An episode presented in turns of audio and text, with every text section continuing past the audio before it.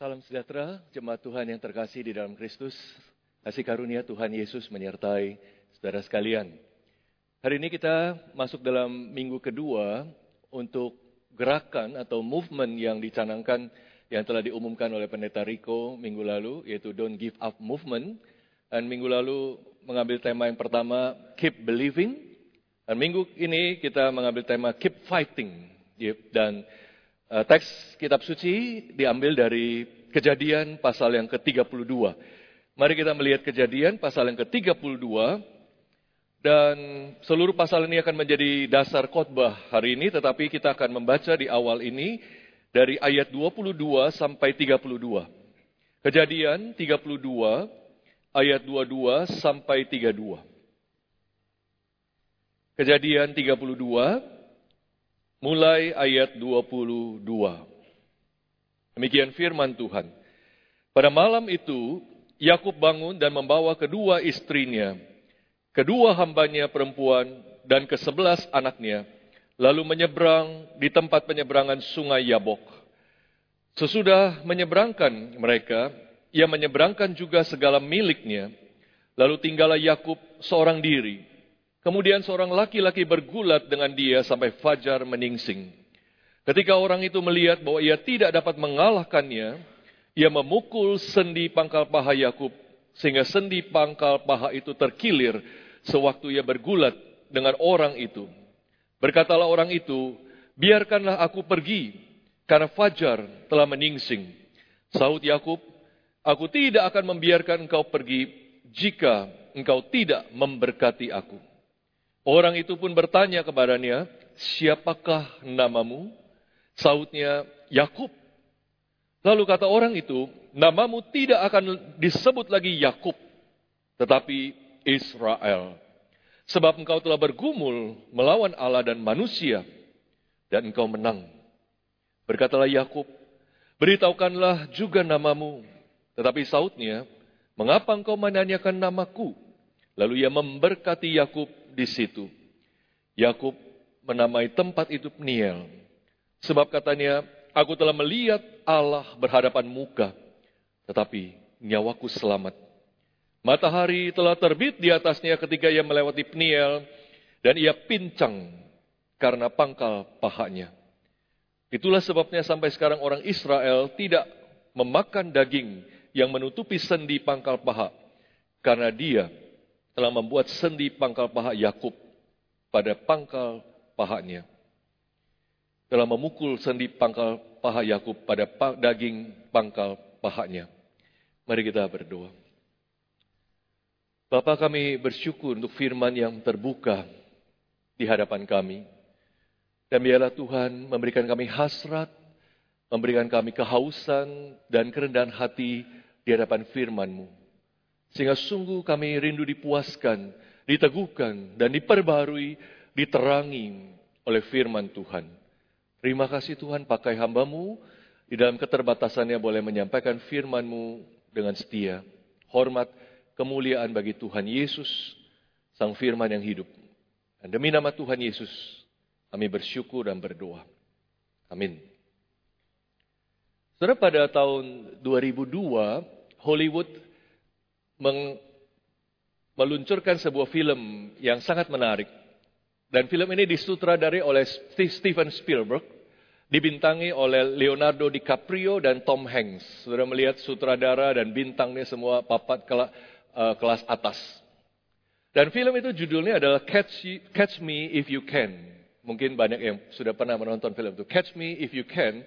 Dan film ini diangkat dari kisah nyata tentang seorang penipu ulung Amerika yang bernama Frank Abagnale. Nah, saudara Abagnale ini dari tahun 1960, waktu dia baru berusia 16 tahun, sudah pintar memalsukan cek. Dan selama lima tahun berikutnya, dia sudah berhasil memalsukan cek dan mengambil uang senilai tidak kurang dari dua setengah juta dolar Amerika. Bayangkan tuh tahun 60-an nilai yang luar biasa besar dengan penipuan cek itu. Dan selama lima tahun dia terus melakukan berbagai penipuan-penipuan yang sangat rapi. Abagnale kemudian survive untuk hidup. Dan dia melakukan penipuan demi penipuan yang sangat canggih untuk masa itu.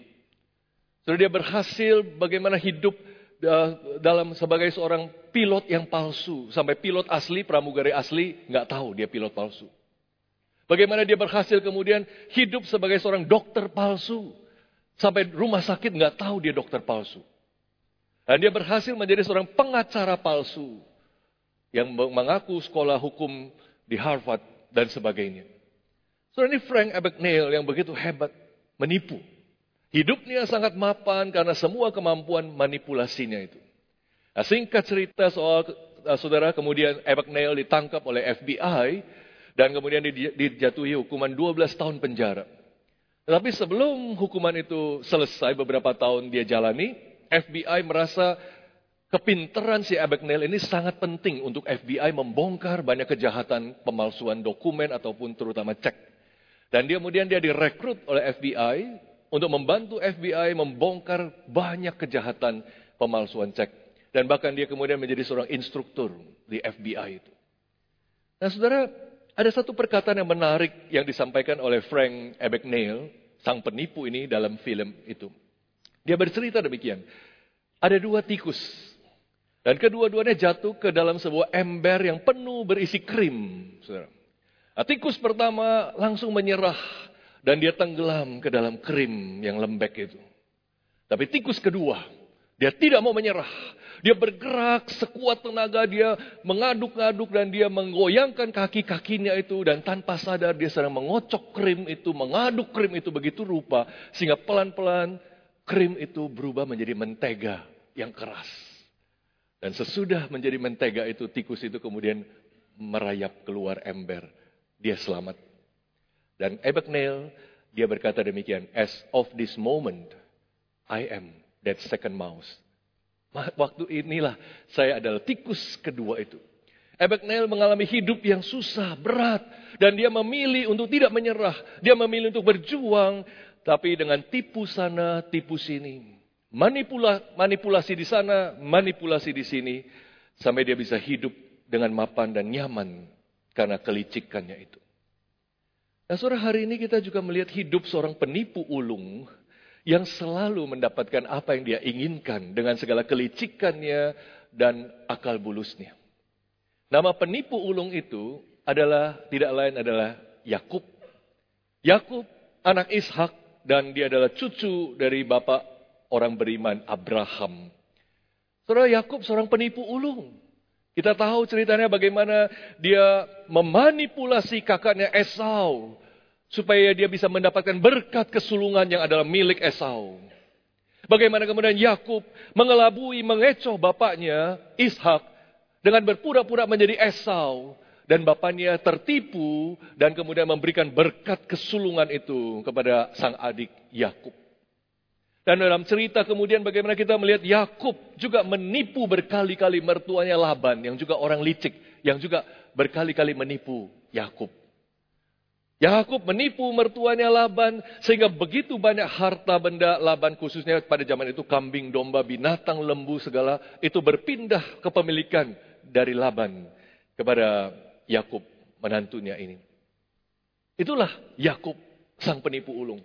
Yakub ini tidak lain seperti tikus kedua dalam cerita Abagnale tadi, yang tidak berhenti menyerah dengan keadaan, yang terus berjuang, yang terus berusaha survive, sehingga dia kemudian mendapatkan kehidupan yang seperti apa yang dia inginkan.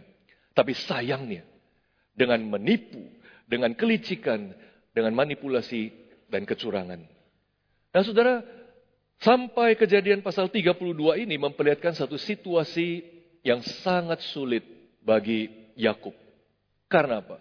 Ini adalah momen di mana dia berpikir akan bertemu atau menemui kembali kakaknya Esau. Saudara 20 tahun sudah berlalu, cukup lama saudara. Dan dia masih sulit mengerti bagaimana mungkin Esau melupakan amarahnya kepada dia karena menipu kakaknya itu. Saudara, waktu sudah berlalu cukup panjang dan terakhir mereka berpisah itu karena apa? Karena Esau begitu marah, begitu tahu bahwa Yakub adiknya telah menipu bapaknya sehingga berkat sulung itu telah diberikan kepada Yakub. Dan Esau kalau kita baca di kejadian 27 bersumpah aku akan membunuh adikku, Yakub, kalau papa sudah meninggal. Dia tunggu sampai papanya mati dan dia akan membunuh adiknya karena sang adik ini anak kesayangan papa. Saudara bayangkan itu yang masih ada di pikiran Yakub 20 tahun lalu masih begitu jelas melekat di pikirannya sumpah kakaknya untuk membunuh dia. Dan syukur waktu itu mama mereka Rahel mendengar sumpah itu dan dia cepat-cepat mengatur si bungsu ini, si Yakub ini untuk melarikan diri. Dan sejak itu mereka tidak pernah berjumpa lagi. Oleh sebab itu, bayangan untuk berjumpa kembali dengan sang kakak ini sungguh menakutkan, bukan? Mungkin dendam masih begitu membara, mungkin sumpah itu belum dihapus, dan keinginan untuk membunuh, mengambil nyawa Yakub itu masih begitu kuat di dalam diri Esau. Dan Yakub sangat gelisah dalam kejadian 32 ini. Terlebih lagi kemudian Yakub menyuruh utusan-utusan yang mendahului dia berjumpa dengan Esau dan setelah utusan-utusan Esau dari Esau itu kembali kepada Yakub, mereka bilang apa? Esau sedang datang menemuimu dan membawa 400 orang. Waduh. Bawa 400 orang. Kalau kita lihat di ayat yang ke-6. Saudara bisa bayangkan terakhir bertemu Esau mengancam untuk membunuh Yakub dan sekarang anak buahnya, utusannya mengatakan sang kakak ini Esau sudah sedang dalam perjalanan ke sini untuk menemui Yakub dengan membawa 400 orang. Itu setara dengan satu kompi tentara. Ayat 7 mengatakan Yakub sangat ketakutan dan sangat tertekan atau sangat susah hati. Tetapi bayangkan ini memang dasarnya Yakub ini orang licik Orang lihai, ya saudara. Dalam ketakutan yang seperti ini, otaknya masih terus bekerja, masih terus berjalan. Dan dia masih seperti karakternya si Yakub itu, tukang tipu, tukang manipulasi. Nah, saudara kita melihat bagai, berbagai cara dia usahakan. Mula-mula dia sudah berpikir apa? Dia menyiapkan banyak hadiah untuk Esau, kakaknya. Kalau kita lihat di ayat yang kelima, dia katakan, dia dia pesan kepada utusannya, nanti bilang kepada Esau kalau ketemu dia, aku mempunyai banyak lembu, keledai dan kambing domba, budak laki-laki dan budak perempuan. Aku menyuruh memberitahukan hal ini kepada tuanku, kakaknya, supaya aku mendapat kemurahan hatimu. Dia mempersiapkan begitu banyak harta yang zaman itu diwakili oleh binatang-binatang. Untuk apa? Lagi-lagi untuk membeli Esau. Untuk memanipulasi Esau, menyuapnya dengan aset yang banyak ini. Dengan harapan bisa meredakan, menenangkan hati Esau. Meredakan kemarahan Esau. Itu Yakub. Dalam keadaan tertekan, masih otaknya jalan. Dan dia kemudian bermain strategi, sudah hebat sekali Yakub ini. Dengan apa? Membagi rombongannya, yaitu istri-istrinya, anak-anaknya, pegawai-pegawainya, binatang-binatangnya, itu semua dibagi dua rombongan. Dipisah. Dan dia berharap kalau satu rombongan diserang, dihancurkan oleh Esau, masih ada satu rombongan selamat. Hebat ya, strategi dari Yakub ini. Saudara akan tetapi kita melihat bukan bukan hanya karakter biasa Yakub yang kita lihat yaitu akal bulusnya, tetapi dalam perikop ini ada muncul satu kejutan yang tidak pernah terjadi sebelumnya. Yaitu apa? Yakub berdoa. Yakub berdoa. Kalau kita lihat ayat yang ke-9 sampai ke-12. Saudara, di dalam seluruh episode kisah hidup Yakub belum pernah kita menemukan Yakub berdoa selain di sini. Ini untuk pertama kalinya Yakub berdoa. Ini untuk pertama kalinya Yakub sungguh-sungguh datang ke hadapan Allah dan memohon pertolongan Allah. Dan untuk pertama kalinya dia mengaku dirinya adalah hamba dari Allah. Servant. Kalau kita lihat di ayat ke-10, dia katakan, Aku sama sekali tidak layak menerima segala kasih dan kesetiaan yang engkau Allah tunjukkan kepada hambamu ini. Dan doa ini kalau kita baca secara keseluruhan memperlihatkan satu pengakuan Yakub tentang ketidakberdayaannya, tentang ke, ke, kecilnya dia, ketidaklayakannya untuk menerima kemurahan Allah. Dan ini adalah satu sikap, satu karakter yang sebelumnya tidak pernah muncul di dalam diri Yakub. Tetapi saudara habis berdoa, kita melihat Yakub tetap bermain strategi dan bermain siasat. Dia sudah ber, menyiapkan banyak hadiah buat kakaknya. Dia sudah menyiapkan, memisahkan rombongannya jadi dua rombongan untuk keamanan. Dan kemudian siasat berikutnya, dia mengkhususkan sejumlah binatang. Kalau kita baca dari ayat yang ke-13 dan seterusnya, itu ada 550 binatang yang dijejerkan panjang sekali. Saudara bisa bayangkan 500 binatang antri begitu. Itu dijejerkan panjang sekali. Dan dia harap apa? Nanti Esau ketika, dan dia pesan kepada para karyawan, para pegawainya, nanti kalau Esau mulai datang dan mulai melihat awal barisan binatang itu, kasih tahu Esau, Yakub ada di belakang. Kemudian Esau akan berjalan terus, ikutin barisan binatang ini dan ketemu pegawai yang lain. Pegawai yang lain harus bilang, Esau, eh, Yakub ada di belakang. Demikian seterusnya, Esau akan diharapkan berjumpa beberapa kali dengan karyawan-karyawan yang mengawal binatang yang baris panjang ini. Dan setiap kali bertemu pegawainya, pegawai ini harus berkata, Yakub adikmu ada di belakang. Harapannya apa? Semakin dia lihat banyak binatang berbaris, semakin dia lihat begitu banyak harta Yakub yang akan diberikan kepadanya, moga-moga hati Esau bisa mencair. Moga-moga hati Esau bisa menjadi tenang melihat parade binatang yang akan dipersembahkan kepadanya.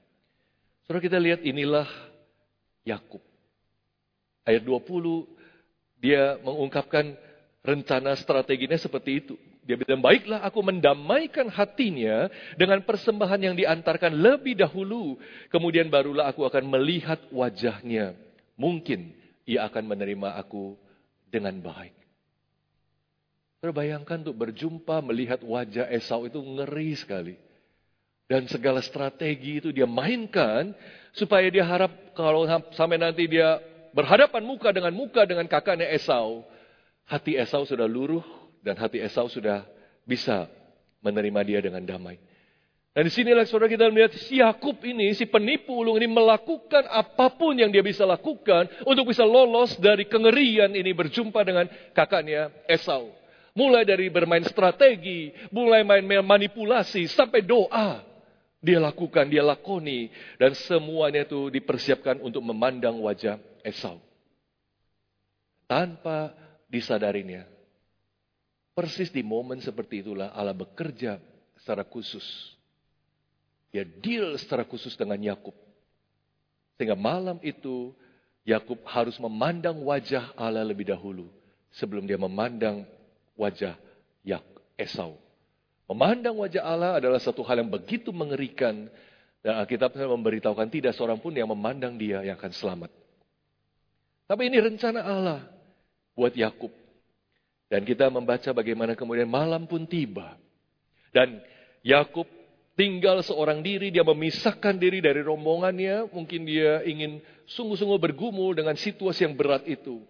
Dan ketika dia sudah sendirian, entah dari mana, out of nowhere, datanglah seorang laki-laki dan kemudian langsung bergulat dengan dia.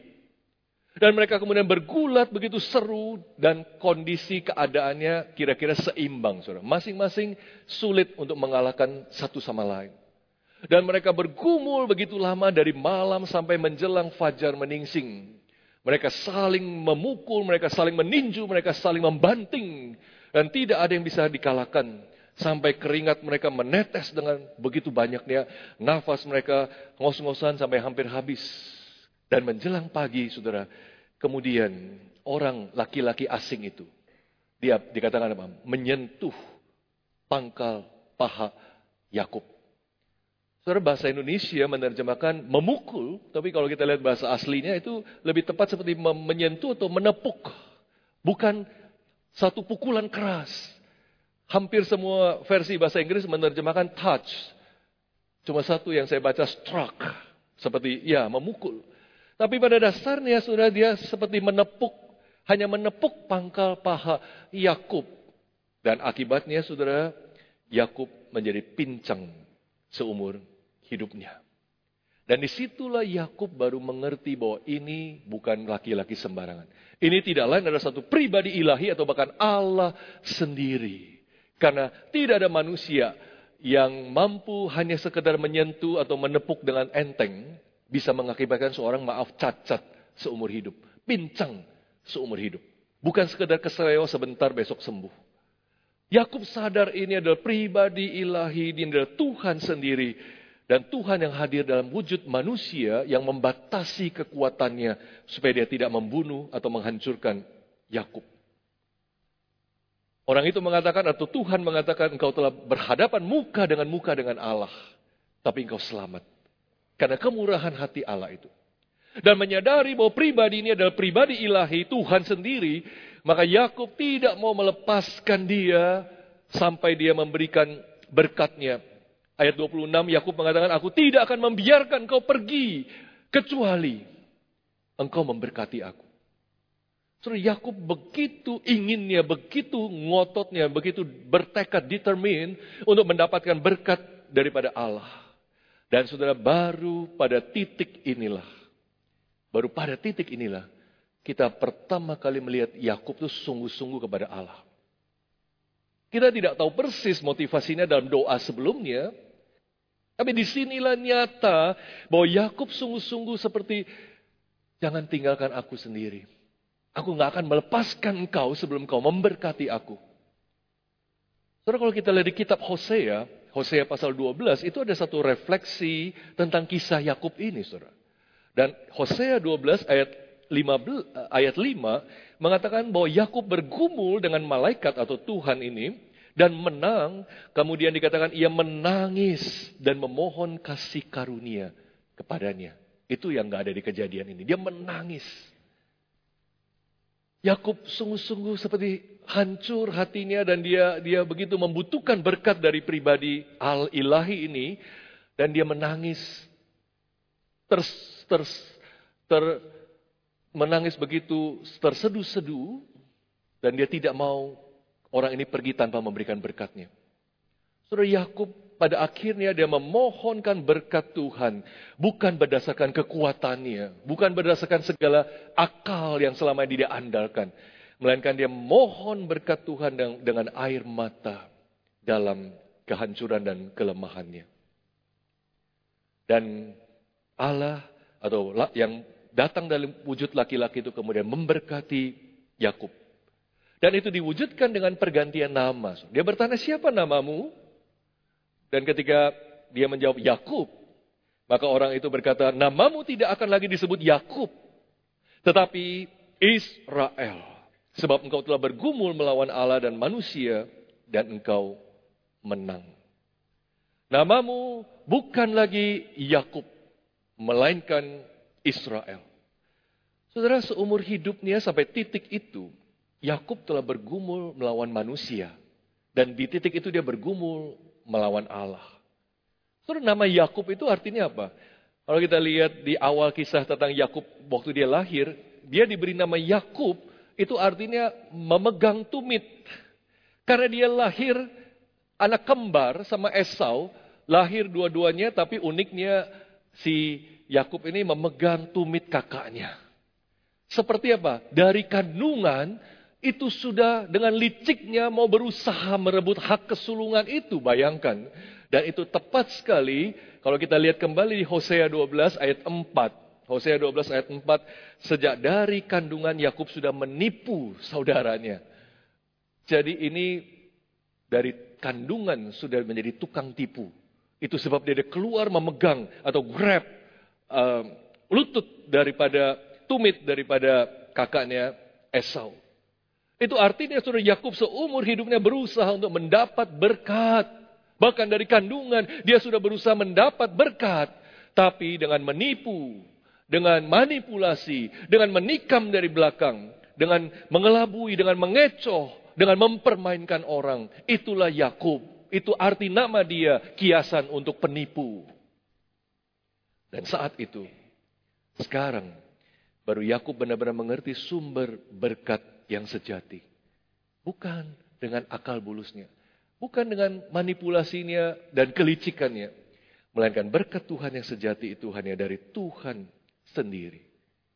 Dan dia sadar segala segala kehebatan akalnya selama ini yang diandalkan tidak akan bisa dia pakai lagi. dan dia memohonkan berkat Tuhan dengan sungguh-sungguh, jangan melepaskan aku kecuali engkau memberkati aku. Dan kemudian Allah mengubah nama ya bukan lagi Yakub tetapi Israel yang kemudian menjadi nama bangsa keturunannya ini. Terus apa artinya Israel? Israel ada artinya Allah, ada El, berjuang, God fights. Atau dengan kata lain maksudnya Allah berjuang bagimu dan engkau tidak perlu lagi berjuang bagi dirimu sendiri. Itu maksud Israel, saudara. Dan hal itu terbukti langsung dari pasal berikutnya. Kalau kita lihat kejadian 33 bagaimana Yakub bertemu dengan Esau.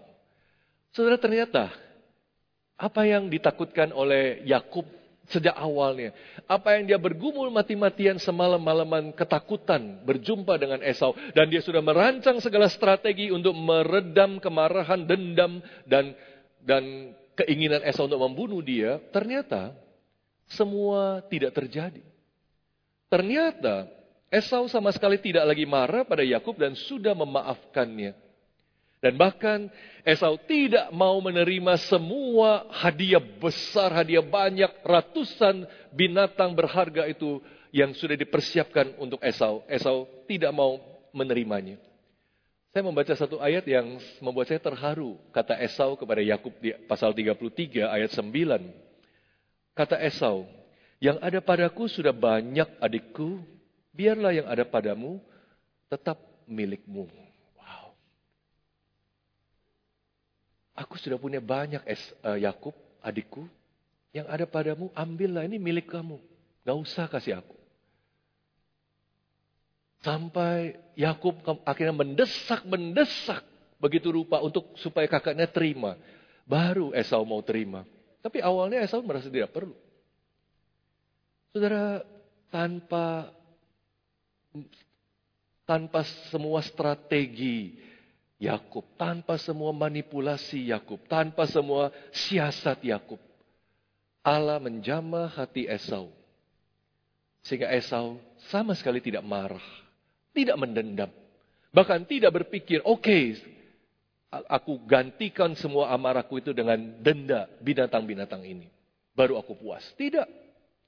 Allah bekerja demikian rupa bagi Yakub.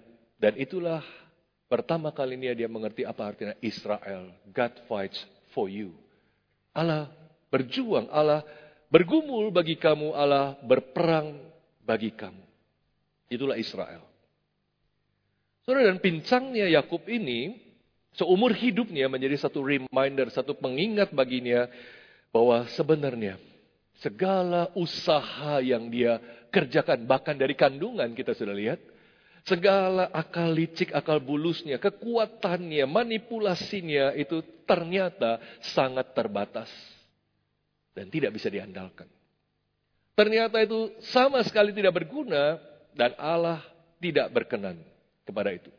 Sebaliknya dia menyadari begitu pentingnya dia bergantung kepada Allah sumber kekuatan yang sejati. Dan itulah arti namanya Israel. Allah berjuang bagi kamu. Dan nama Israel ini kemudian diingat oleh seluruh keturunannya menjadi reminder juga bagi setiap keturunannya yang akan bersiap untuk masuk ke tanah perjanjian.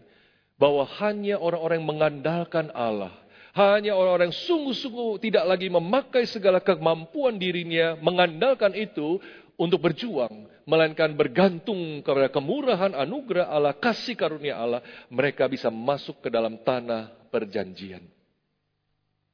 Hanya orang yang tidak mengandalkan kemampuan sendiri yang Tuhan izinkan masuk ke tanah perjanjian dan berhasil di sana. Inilah Israel. Dan ini menjadi satu reminder buat si Yakub ini sendiri maupun untuk seluruh keturunannya. Allah telah mengubah namanya dan ini bukan hanya sekedar perubahan artifisial yang di permukaan tapi ini mempengaruhi seluruh karakter cara hidup nilai-nilai yang harus dianut oleh Yakub dan keturunannya. Nah, saudara, adalah satu kebiasaan kalau kita lihat di dalam dunia lukisan, bagi pelukis itu untuk membubuhkan, membubuhkan satu signature atau tanda tangan di dalam lukisan yang mereka buat. Bisa merupakan satu tanda tangan yang uh, kelihatan jelas, yang eksplisit, tapi bisa juga dia memberikan signature dalam bentuk yang implisit atau mungkin bahkan abstrak. Tapi itu signature dari sang artis atau pelukis itu. Nah, saudara kalau kita bertanya apa sih fungsi tanda tangan dalam sebuah lukisan, biasa kecil di pojok kiri bawah atau atas kanan dan sebagainya.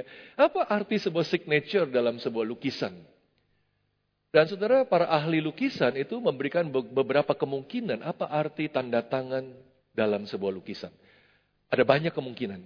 Tapi satu yang saya baca yang menarik sekali, dan saya membaca dari seorang pakar lukisan, Sid Motion, yang mempunyai galeri di London, dia berkata demikian, para pelukis itu biasa membubuhkan tanda tangan dalam lukisan mereka. Itu justru sebagai peringatan atau reminder buat mereka sendiri bahwa apa? That piece is complete, don't rework it. Itu lukisan sudah sempurna, sudah beres, jangan lagi dikerjakan ulang lagi, ditambahin, dikoreksi, diwarnain lebih tajam dan sebagainya. Tidak usah. Begitu engkau tanda tangan, itu tandanya finished. Tidak pernah akan disentuh lagi. Dan itu kemudian akan dipamerkan. Itulah makna sebuah tanda tangan dalam sebuah lukisan. Lukisan itu sudah mencapai finalnya, sudah sempurna, tidak lagi ada yang perlu ditambahkan.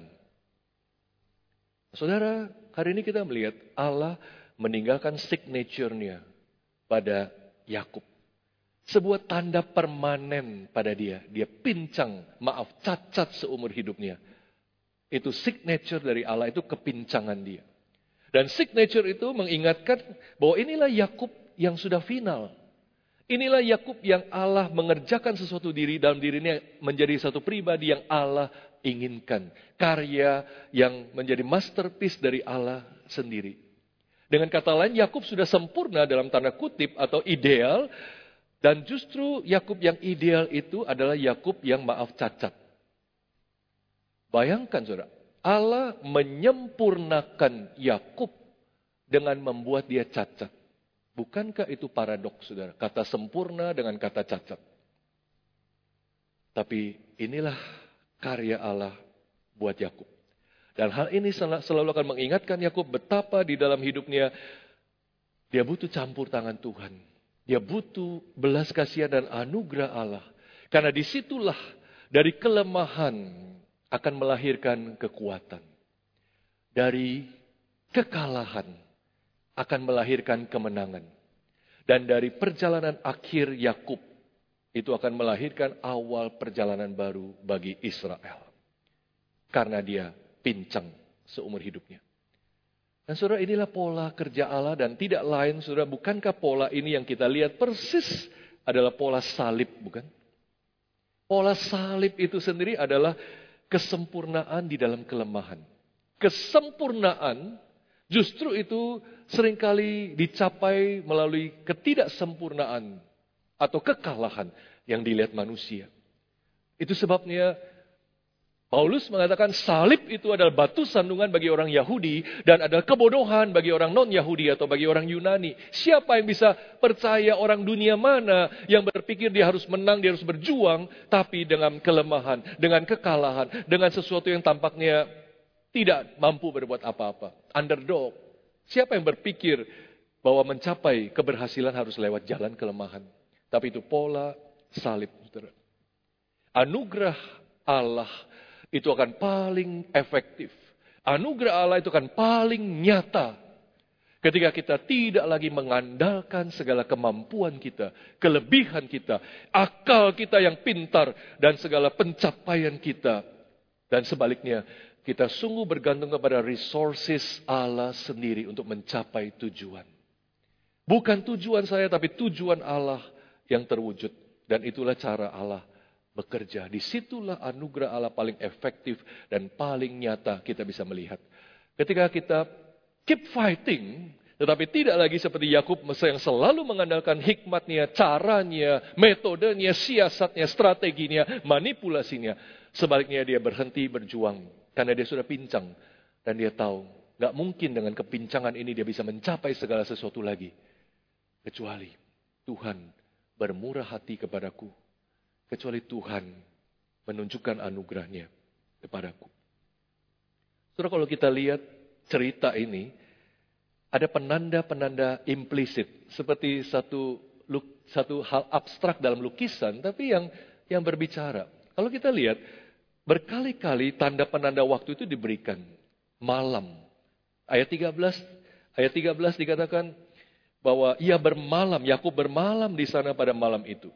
Ayat 21 kemudian dikatakan sekali lagi dia sendiri bermalam di perkemahannya pada malam itu. Ya dan kemudian ayat 22 pada malam itu.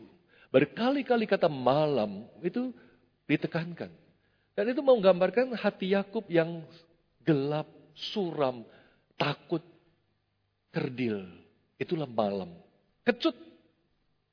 Tapi saudara, menjelang ayat terakhir, ayat 31. Satu-satunya ayat yang seperti satu terang pengharapan datang. Dikatakan matahari telah terbit di atasnya ketika ia melewati Peniel dan ia pincang karena pangkal pahanya. Saudara, Yakub secara fisik sempurna, tapi malam, tapi susah, kecut, kalut. Dan Ketika pengharapan itu terbit, matahari terbit atas dia. Satu-satunya penunjuk waktu yang memperlihatkan satu perubahan menuju terang. Itu justru waktu Yakub pincang.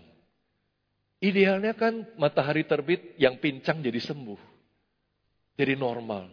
Idealnya waktu pengharapan datang, yang tidak sempurna jadi sempurna. Tapi ini waktu matahari datang, yang tanda kutip sempurna justru jadi tidak sempurna. Pincang seumur hidupnya. Dan itu mengingatkan hanya dengan anugerah Tuhan selalu ada matahari di dalam hidupku. Bagi Yakub. Saudara Allah bisa jadi sedang bergumul dengan saudara hari ini juga. Dia berkata kepada kita, oke okay, kamu memang percaya kepadaku. Tapi kamu selalu mengandalkan caramu. Kamu selalu mengandalkan hikmatmu. Kamu selalu mengandalkan cara-caramu bahkan kadang-kadang untuk memanipulasi orang. Kamu selalu memakai akal bulusmu untuk mencapai apa yang baik dalam pemandangan matamu. Dan hari ini Tuhan sedang berkata kepada saudara seperti dia berkata kepada Yakub, "Anakku, siapa namamu?" Anakku, siapa namamu? Mari kita berdoa. Saudara. Tuhan kami bersyukur firman Tuhan yang sebenarnya membongkar diri kami sendiri. Yang sering kali begitu mengandalkan kemampuan diri. Yang begitu sombong. Yang selalu berpikir kami bisa, kami mampu, kami punya sumber daya, kami punya kekayaan, kami punya hikmat, kami punya pengalaman, kami punya koneksi. Dan kami pasti bisa mencapai apa yang kami mau dengan semua modal kami itu. Tuhan biarlah hari ini kami boleh datang dengan segala kegentaran, kerendahan hati. Kami diperbarui, meskipun bahkan mungkin kami dilemahkan dalam satu aspek hidup kami yang membuat kami mau bergantung kepadamu dengan sungguh-sungguh seumur hidup kami. Kami rela Tuhan. Yang penting kami hidup sesuai dengan apa yang Tuhan berkenan dan Tuhan suka. Tuhan biarlah kami menjadi Israel, Israel kecil dan kami menjadi Israel seperti Kristus Israel yang sejati. Yang mencapai kemenangan dan menggenapkan rencana Allah justru dalam kelemahan dan ketidakberdayaan.